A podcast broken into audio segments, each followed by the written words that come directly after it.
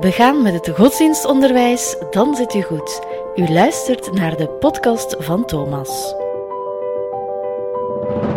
Eerst en vooral wenst de volledige Thomasploeg jullie een fantastisch 2024. En dit jaar willen we inzetten met warme woorden. En daarvoor hebben we een dame met een uitzonderlijke gave van het woord uitgenodigd. Dag Colette Jansen. Dag Lisbeth.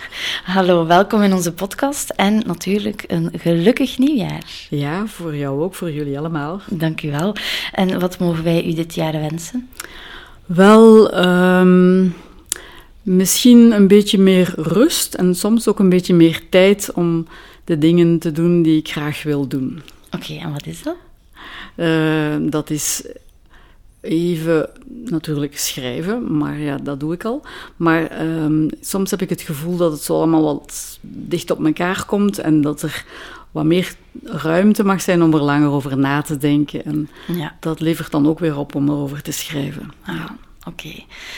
Colette, u zegt op uw site dat u niet kan kiezen of u nu voor kinderen of voor volwassenen wil schrijven. Dus u doet het allebei. En dat resulteert in een enorm indrukwekkende bibliografie. Ik ben beginnen tellen, maar mijn tel kwijtgeraakt. Kunt u nog bijhouden ongeveer uh, hoeveel boeken u nu hebt geschreven? Um, heel precies weet ik het ook niet, want het hangt er natuurlijk ook vanaf van wat tel je mee en wat niet. Maar uh, het is, ik ben de 50 gepasseerd in aantal boeken. Okay. Uh, dus het is ergens voorbij de 50. Maar ja, dus ik, ben, ik heb ook al, ben ook al heel langer mee bezig. Dus okay. dat wordt, uh, het gaat altijd verder. 50 boeken, van waar haalt u die inspiratie? ja, dat is heel uiteenlopend natuurlijk. Hè. Er zitten ook heel verschillende boeken tussen. Maar inspiratie is eigenlijk niet echt een probleem om dat te vinden, omdat alles kan een bron zijn van inspiratie. En dat is het ook heel dikwijls. Dus in het gewone leven kom je elke dag zoveel dingen tegen. Iedereen trouwens, niet, ik niet alleen. Hè. Het is gewoon... Uh, als je schrijft, misschien ben je dan op de duur meer geoefend om erop te letten en om er iets mee te doen. Maar iedereen uh, komt nieuwe mensen tegen, ziet situaties waarvan je, waarom je moet glimlachen of waar je niet goed begrijpt wat er gebeurt. Of, of uh, je staat ergens aan de kassa en je hoort een half gesprek waar je verder over denkt. Of je hoort iets op het nieuws, of je ziet iets op het nieuws. Dus elke dag zit boordevol kleine dingetjes die je aan het denken zetten. En ja, soms wordt dat een kort stukje, soms wordt dat een lang verhaal. Dat is niet altijd te voorspellen. Ja, dat is mooi hoe je talent koppelt dan aan ja, een, een realiteit rondom u. Uh, heel mooi. Want uw, schrijf, uw schrijfsels, groot en klein, worden gebruikt in het godsdienstonderwijs. Ook ik had het boek Warme Woorden in mijn boekentas altijd. En van 1977 tot 2006 gaf u les godsdienst. 29 jaar op de dat teller. Klopt. Dat is uh, indrukwekkend ook. Maar welk boek van uzelf, en ik weet u bent bescheiden, maar toch, ik ga dat proberen doorbreken. Welk boek van uzelf zou u aanraden aan godsdienstleerkrachten om te gebruiken in hun lespraktijk? Um, het eerste waar ik aan denk is misschien mijn kinderbijbel, die nu uh, Hosanna heet, de, herwerkte versie van het grote avontuur van God en mens. Omdat ik gemerkt heb zelf in mijn lessen dat ook voor een leeftijd waar, waar die eigenlijk uiteindelijk niet meer voor bedoeld was, want ik gaf les aan vijf en zes middelbaar, dat de Bijbelverhalen op die manier, wanneer ze wat hertaald zijn, toch gemakkelijker binnenkomen en gemakkelijker um, mensen aanspreken en uh, mensen het gevoel geven dat ze ook iets mee kunnen in hun eigen leven, dan wanneer je de officiële um, secttekst neemt. Uh, ik denk. Um, er zijn nu ook versies, eh, Bijbel in gewone taal, die al een eind in de richting gaat. Dus dat was er toen nog niet. Dus misschien dat voor vijf en zes dat, ik nu dat zou gebruiken. Maar zeker voor jongeren vind ik dat, heb ik altijd gemerkt dat dat, dat, dat wel werkte. En dat hen dat veel meer zegde dan wanneer ze met um, klassieke teksten moesten aan de slag gaan. Uh, wat niet wegneemt dat ze natuurlijk vroeg of laat toch wel bij die gewone Bijbel gaan uitkomen. Hè. Maar dus die kinderbijbel vind ik wel altijd um, fijn, omdat uh, ik ook gezorgd heb dat er dus heel veel verhalen in staan. Uh, die ik allemaal belangrijk vond. En dan, voor als het over lagere schoolkinderen gaat, vind ik mijn boekje, dus het is ondertussen al niet meer zo recent, maar het blijft toch nog wel relevant, denk ik. ik geloof dat ik geloof. Dat is een boekje waar ik in de tijd met vragen van kinderen tussen de 9 en de 12 zelf aan de slag ben gegaan. Vragen die ze hadden over alles wat te maken had in de verte met, met uh, God. Wie is God? Wie is Jezus? Komt er nog iets na de dood? Bidden, waar is dat, waar is dat goed voor? De, de gekste dingen. En daar zo eerlijk uh, luchtig mogelijk op antwoord geven in de vorm van korte verhaaltjes. Uh, telkens met dezelfde personages. Dat was dan een mama godsdienstlerares, ik ging het niet verzoeken, uh, die uh, met een paar kinderen daarover praten en van alles meemaakte. En um, dan, um, op die manier, kwamen we er na verloop van tijd, als ik klaar was om een beetje met al die vragen te beantwoorden, achter dat dat, dat in feite alle thema's waren die ook in de geloofsbelijdenis stonden. Het is echt zo gegaan, dat het pas achteraf, en dan ben ik ze natuurlijk in die volgorde ook gaan zetten. Uh, en zo is dat een beetje een soort mini bespreking van de geloofsbelijdenis geworden voor, voor kinderen. Dus, uh... Wat niet zo'n makkelijke materie is. Nee, eigenlijk niet. Het was, het was tot mijn eigen verrassing, moet ik zeggen. Maar dus die grote thema's, van, ook van de kerk en van de, ja, de geest, uh, dat zat daar allemaal in, uh, ja. in hun vragen. En dus ja, in feite zie je dan dat, dat die geloofsbelijdenis toch nog niet zo gek is als je soms denkt. Ja, dus, klopt. Ja. En er zijn inderdaad heel veel vragen van jongeren, van kinderen, ongetwijfeld ook, rond die geloofsbelijdenis. Wat ja. betekent het nu? Dus uh, goed, maar u zei daar dat u uw uh, Bijbelboek zou um, voorstellen. Hoe, zul je, hoe zou je daarmee aan de slag gaan? Um, ja, dat kan op verschillende manieren. Hè. Um, dat ligt eraan welke functie dat Bijbelverhaal, wat je verder met dat Bijbelverhaal wil doen, natuurlijk in je lessen. Hè. Uh, rond het scheppingsverhaal um, liet ik hen altijd alle vragen die zo'n verhaal opriep. Uh, en alle dingen die ze, die ze toch vreemd vonden, daarin, daaruit halen, daarin aanduiden in dat verhaal. Om dan een beetje te kunnen duiden van ja, op welke manier is dat geschreven. Dus dat, dan ga je een ander soort achtergrond geven. Maar er zijn ook verhalen, zoals uh, de parabels van Jezus, die, die, die hoef je bijna niet uit te leggen. Hè. Die zijn zo vertelklaar, mm -hmm. dat, dat die ook heel rechtstreeks spreken. Dan kun je meteen uh, bijna gaan actualiseren en dan, dan ziet, ziet iedereen in zijn eigen omgeving uh, waar die verhalen echt over gaan. Dus het hangt ook een beetje af van, van welk verhaal het is. Ja. Je kunt daar heel veel dingen mee doen. Soms deed ik ook verschillende versies naast elkaar. Uh, zodat ze ook zien wat, wat, wat, er, ja, wat er kan gebeuren met zo'n bijbeltekst. Ik denk dat, dat het voor een godsdienstleerkracht ook niet slecht is om toch goed zicht te hebben op uh, hoe die teksten ontstaan zijn. Niet omdat je dat allemaal letterlijk moet gaan doorgeven, maar ook om te weten wat je daarover wel of niet kunt zeggen, zelf in de, ja. in de klas. En hoe je op vragen van hen daarover kunt inspelen. Hè, over wat ze letterlijk nemen en wat ze niet letterlijk nemen. Want dat is dikwijls wel een probleem, gelijk bij wonderverhalen of zo. Dus uh, ja. Ja, u praat met een gigantisch groot hart over het godsdienstonderwijs. U was ook 29 jaar. Die 29 duidt erop dat u het heel erg graag deed. En onder het motto kiezen is verliezen, wat mist u nu het meest in het, uit het onderwijs en bij uitbreiding het godsdienstonderwijs? Um, wat, ik, wat ik gemist heb, zeker zo de eerste jaren als ik geen les meer gaf, was telkens als er dan iets in het nieuws kwam. Uh, dat kon van alles zijn. Dat kon iets zijn, iets, iets belangrijks in de actualiteit, iets rond klimaat of of uh, iets wat de paus had gezegd. Maar het hoefde niet eens altijd gelinkt te zijn aan, aan geloof, strikt gezien. Maar gewoon iets waarvan ik wist, dit zou nu in mijn les ter sprake zijn gekomen als ik nog in de klas had gestaan. Dan had ik echt ja. spijt dat ik dat miste. Dat ik niet daarover met hen in gesprek kon gaan en horen wat ze daarover vonden. En ook een beetje vertellen hoe ik dat opvatte. En ja, je, je kwam altijd een stap verder met zo'n klas. En, en Ongetwijfeld hebben andere mensen dat uh, heel goed gedaan na mij, maar dat, dat heb ik gemist. Ja. Dat heb ik echt gemist, ja. En is dat door het schrijven van uw columns misschien dat u dat compenseert daardoor? Een beetje wel, om, um, omdat ik inderdaad ook vaak wel inspeel op dingen die ik in, in, in mijn leven meemaak, dus ook die in de actualiteit gebeuren. Uh, en daar dan ook reacties op krijgen. Maar het is natuurlijk minder direct dan in een klas. Hè? Dus dat directe contact schrijven is uiteindelijk een vrij eenzame bezigheid. Hè? Dat is uh, daarom dat ik ook heel lang halftijds heb lesgegeven en halftijds geschreven. Dat was eigenlijk in, in mensenleven een ideale combinatie. Nu, ik werk nu nog altijd veel mee aan, aan projecten met groepen mensen, dus ik zie gelukkig nog veel levende mensen. Maar um, inderdaad, dat directe contact, uh, dat is een beetje weggevallen. Maar in mijn stukjes krijg ik ook reacties. En door um, in te spelen op wat je ziet, merk ik, heel, krijg ik heel dikwijls te horen dat dat herkenbaar is. En dat is ook een vorm van delen. Hè? Als mensen zeggen, ik heb dat zo beleefd, of dat lijkt erop, maar op dit vlak was het anders. Dus je, je deelt ook via de reacties uh, wel dingen met elkaar. Ja, want u schrijft inderdaad, we hebben het erover, hè, uh, over uw columns. U schrijft niet enkel boeken, maar wekelijks kunnen wij een column van u lezen bij, uh, op Kerknet. Nu, we zijn nu net in het nieuwe jaar. We mogen nog eventjes terugblikken naar 2023. Welke columns bleven jou het meeste bij die je hebt geschreven? Oh, dat zijn er uh, verschillende.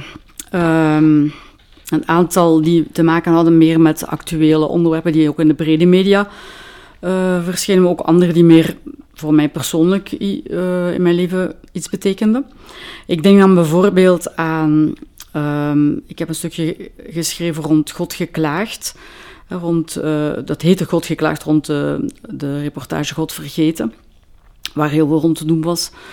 En uh, waar ik toch uh, uh, probeerde uit te leggen waarom ik het niet zo zinvol vond, voor mij dan, om de kerk vaarwel te zeggen, om daar uit te stappen. Omdat, ondanks alle dingen die hoe dan ook verschrikkelijk fout waren, en soms nog zijn, um, de enige manier waarop, waarop ik vind dat mensen iets kunnen overeind houden van, um, van die warme boodschap van, van Jezus van uh, wel rekening houden met elkaar, wel opkomen voor elkaar, mensen die dreigen uit de boot te vallen, zeker niet uit het oog verliezen, dat je dat best samen kunt doen en dat dat dus ja, in, in iets van een kerk het beste kan.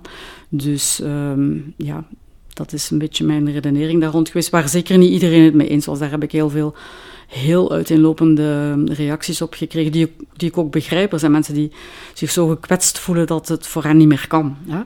Dus ik heb eh, zelf nooit iets uh, negatiefs op dat vlak gelukkig meegemaakt.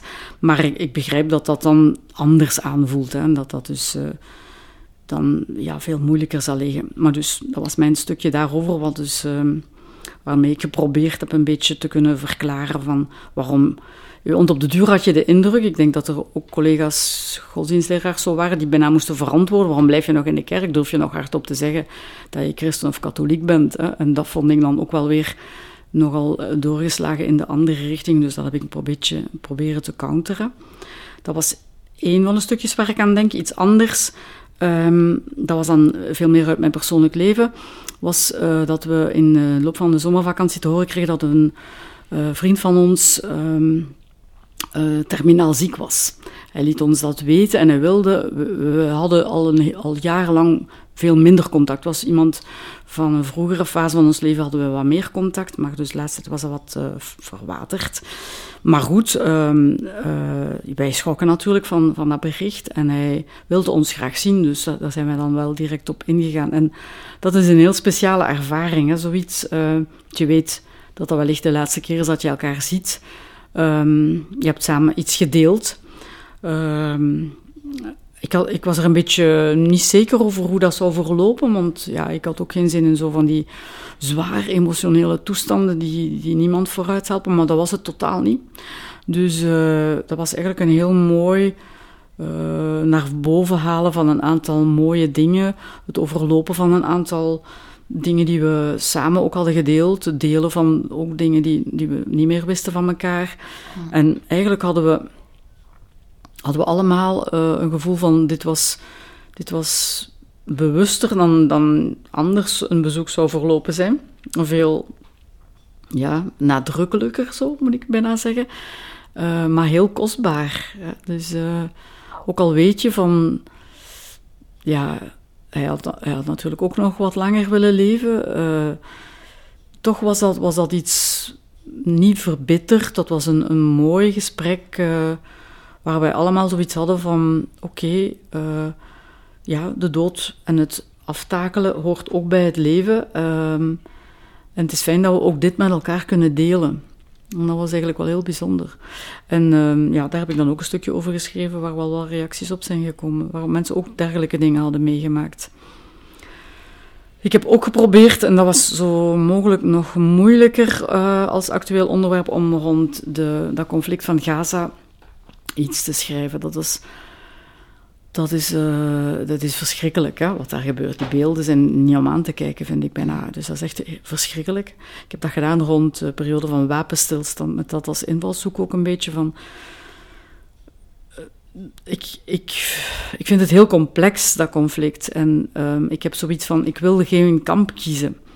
Omdat er foute dingen gebeuren aan de twee kanten. En ik ga niet afwegen van dit is fouter dan dat. En natuurlijk, als je een aantal slachtoffers stelt, dan, dan is het duidelijk waar de grootste fout ligt. Maar dat is ook niet... Het is, daarom zijn de anderen niet de goeien. Hè? Dus uh, het is geen, geen strijd van goeien en slechte, dit, naar mijn gevoel. Dus dat heb ik proberen aan te brengen. Um, uh, met, met het idee van um, het zal alleen met vrede opgelost kunnen worden, met, met, met, praten met elkaar, met terug begrip krijgen voor elkaar. Maar dat, ja, dat ziet er nog niet direct zo naar uit natuurlijk. Maar dat is toch, denk ik, wat we vanuit onze godsdienst ook kunnen zeggen, vanuit alle godsdiensten waarschijnlijk, ten diepste, dat dat de enige weg zal zijn naar een stevige oplossing. Hè. Daar zijn ze helaas nooit toe gekomen in al die jaren. Maar daar heb ik dus ook wel Um, tot mijn verdriet, moet ik een beetje zeggen, um, veel negatieve reacties op gekregen. In die zin van dat mensen daar geen begrip voor hebben. Ook uh, godsdienstleraars die, niet snappen dat je niet 100% voor de Palestijnen kiest. En die dus echt kortzichtig vonden dat ik zeg dat het te complex is. Die zeggen van, je lees dit of bekijk dat, dan weet je hoe het in elkaar zit. Dus ja, ik vond dat van hen dan weer wat kort door de bocht. Maar ja, dus dat was onbegrip, moet ik zeggen. Dus dat, uh ik ben op een gegeven moment gestopt met die discussie daarover, ook op Facebook, omdat dat... dat nee, dat was... Uh, ja, ja, dat werd heel onverdraagzaam zo. En ik, ik, voelde dan ook van, ik ga hier ook uh, lelijke dingen beginnen zeggen, ja, dus dat gaan we niet doen. Ja, op sociale media kan het dat soms, kan soms zo, ja, dat is anders dan wanneer je gewoon met elkaar zo praten. Ja. Goed, dat zijn dan zo wat... Uh, maar dan had ik uh, ook een stukje geschreven, nog niet zo lang geleden, over de schoonheid van een, van een rommelig leven. Omdat dat een ervaring... Ik heb gemerkt dat ik zoiets... Ik vergeet. Als ik iets heb opgeschreven, dan vergeet ik het. Dat is zo precies alsof wanneer je het hebt opgeschreven, dan, dan gun ik mezelf van... Oké, het staat op papier, dus het mag nu weg uit je hoofd. Dus uh, ik merkte dat ik uh, een aantal maanden daarvoor ook al eens iets dergelijks had geschreven, blijkbaar. Dus blijkbaar is het een thema wat mij in mijn persoonlijk leven nogal bezighoudt.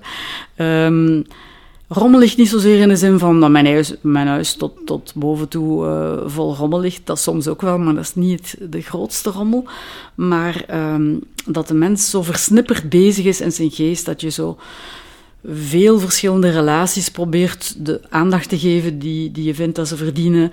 Dat je um, uh, allerlei um, onderwerpen, onder, uh, thema's wilt bijhouden, daar een beetje van op de hoogte blijven. Dat je bepaalde films wil zien of boeken wil lezen of, of, of tentoonstellingen wil bezoeken, dat je um, mee wil doen met allerlei uh, dingen die er in je buurt gebeuren voor goede doelen. En, ik, ik, noem nu nog maar een paar dingen, en dan spreek ik nog niet over kleinkinderen en kinderen die met van alles bezig zijn, of, of zorgen in de familie. Ik heb nog een moeder van uh, eh, 96 bijvoorbeeld. Dus er zijn verschrikkelijk veel dingen die ergens een beetje aan je trekken.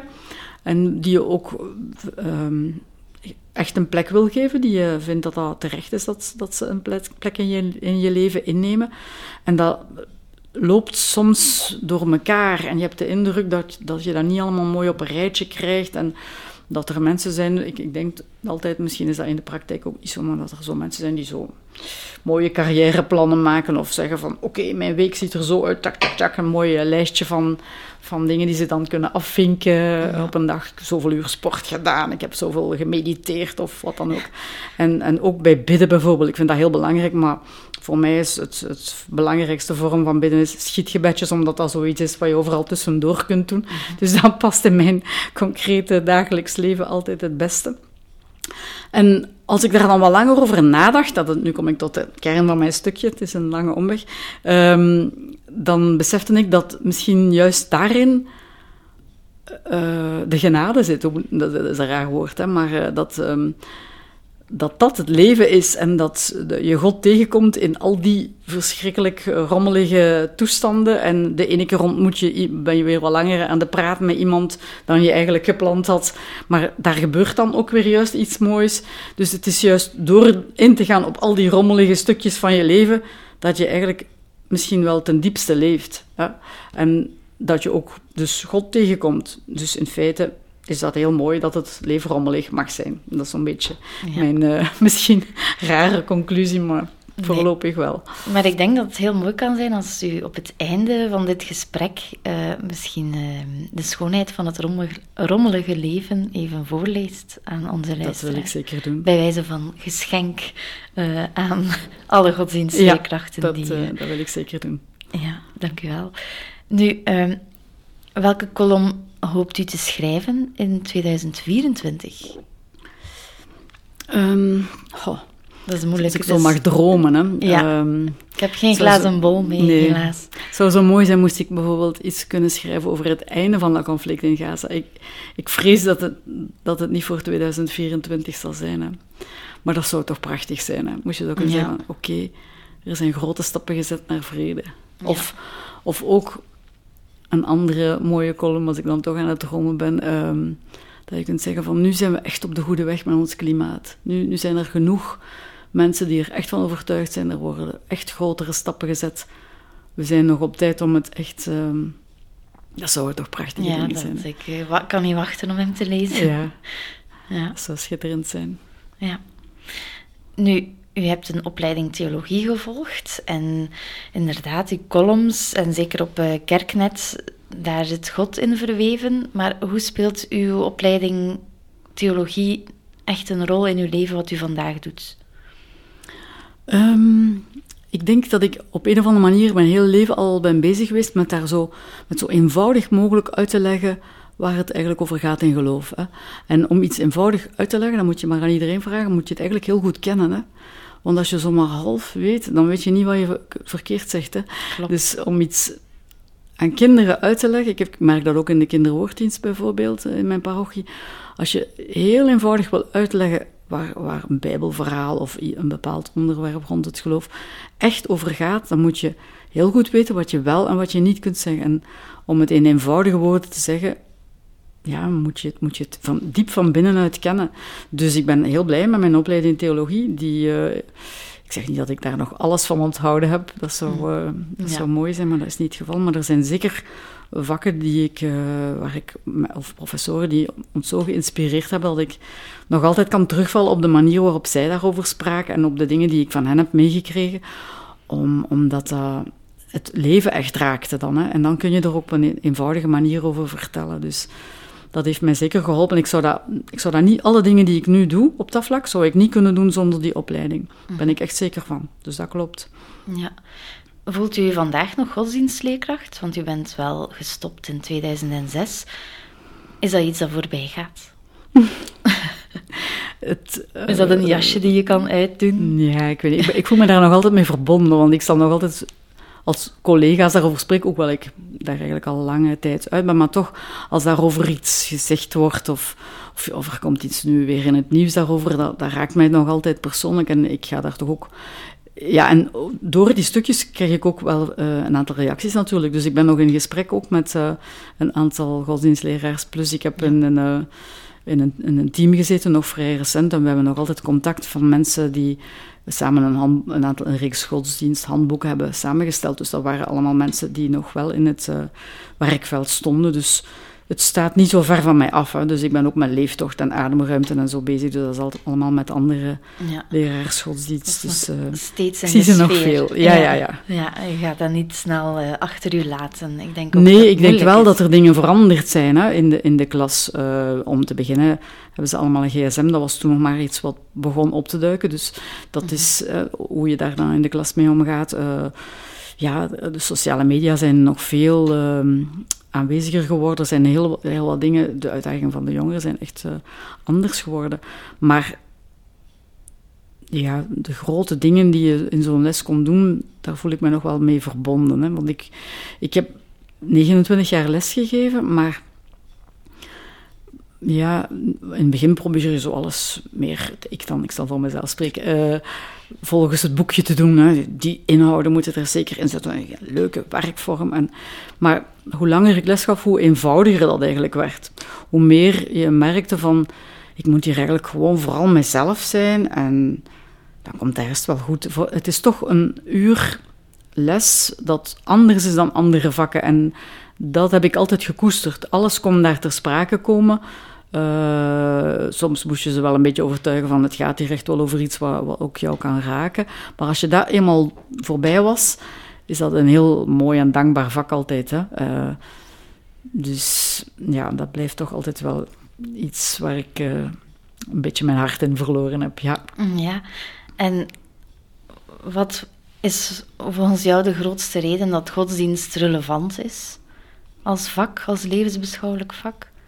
Omdat um, ja, elke mens toch vroeg of laat en de ene al wat meer dan de andere enzovoort. Maar ergens, dat is zo typisch menselijk om bezig te zijn met wat is de zin van mijn leven? Waar ben ik mee bezig? Uh, waarom doe ik dit allemaal? Welke dingen vind ik in het leven echt belangrijk? Waar wil ik echt mijn hart uh, aan geven en, en wat zeker niet? Uh, ja, en dat zijn allemaal grote vragen. Wat is, wat is echt goed voor mij? Wat is echt slecht volgens mij? Dat zijn allemaal vragen die in die lessen voortdurend aan bod komen. Dus dat is een, ik vond dat bijna een luxe. Hè. In andere vakken komt dat zo eens zijdelings aan bod vaak.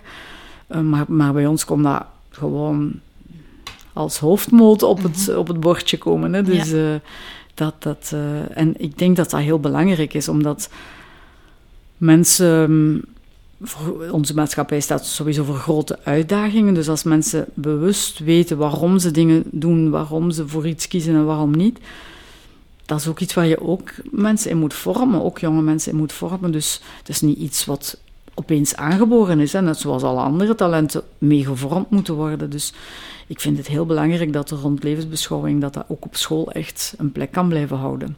Ja, en ik vind dat ook met u. Um, wat denkt u eigenlijk dat de essentiële kennis, kennisvaardigheden zijn voor toekomstige leerkrachten? Want in onze actualiteit lezen we dat de kennis bij leerlingen achteruit gaat. Wat is uw positie daarin? Je vraagt voor de kennisvaardigheden van de godsdienstleerkracht. Van de godsdienstleerkracht. Um, nu, ik denk dat een godsdienstleerkracht ook nog een heleboel andere vaardigheden moet hebben, behalve kennisvaardigheden. Maar dat hoef ik jou niet van te overtuigen, waarschijnlijk. Uh, dus uh, misschien dat die zelfs belangrijker nog zijn. Maar je moet natuurlijk ook kennisvaardigheden hebben, inderdaad. Um, en, en, dan kom ik een beetje terug op, op wat ik al zeg. Als je, als je wil tot hun hart spreken, als je op, op een verstaanbare manier aan jongeren wil uitleggen wat jou bezielt, hè, wat geloof inhoudt, dan, dan moet je natuurlijk ook wel weten hoe het in, in elkaar zit en ook hoe, er zelf een beetje mee rond zijn. Mhm. Uh, en ik denk dan weer, dat is een beetje misschien mijn misvorming, terug aan Bijbelverhalen. Omdat um, als je die op een, op een volledig. Uh, ja, als je daar niet in thuis bent, als je daar totaal niet weet hoe die ontstaan zijn. Uh, hoe je daarmee kunt uh, werken en hoe je daar niet mee kunt werken, dan, dan ga je daar verkeerde dingen mee doen. Dan ga je misschien meer kwaad dan goed doen. Hè? Uh -huh. Dus ik, ik vind dat wel belangrijk, dat je daar genoeg kennis hebt om daarmee te spelen. Dat je dat echt in je vingers hebt als godsdienstleerkracht. Dat je weet van, kijk, dit is een verhaal dat is zo sterk, dat gaat hier sowieso iets oproepen, dat gaat sowieso werken. Uh, dus ja, dat, dat vind ik zeker belangrijk. Uh, ik denk dat er andere dingen zijn die minder belangrijk zijn. Maar ik vind het ook wel leuk als je kunt um, uit verschillende tradities dingen laten zien, ook hoe ze, hoe ze naar hetzelfde op zoek zijn en de, bijvoorbeeld bidden in verschillende religieuze tradities, hoe mensen naar verstilling zoeken, hoe, de, hoe dat uh, mantra's er zijn in, in sommige culturen en hoe dat sommige Gregoriaanse gezangen een beetje die functie hebben bij ons. Dus dat zijn ook dingen die, die jongeren ook kunnen aanspreken. En stilte is iets wat je met hen heel goed kunt beleven ook, denk ik. Dus er zijn verschillende aspecten. Ik vergeet er waarschijnlijk nu nog een heleboel. Ik denk ook dat het belangrijk is om iets te kunnen laten zien van... Um, alle goede sociale dingen die, die er ook vanuit het geloof gegroeid zijn. Hè? Want dat is zoiets waar dan nu in, in onze streken, ja, uh, alle scholen en ziekenhuizen en instellingen voor uh, mensen met een handicap en zo, die zijn in, in handen van de overheid. En dat is een heel goede zaak. Maar die zijn dus bijna allemaal opgestart door uh, religieuze groepen, groeperingen.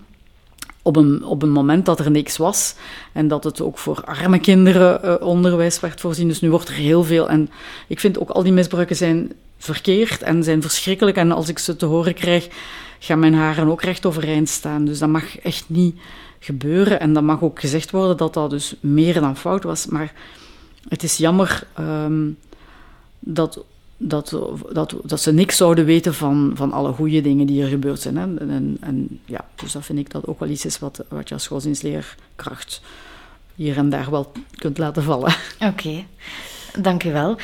Wilt u nog even het, ja, uw column lezen? Um, de schoonheid van het rommelige leven. Ik herkende mezelf er ook in.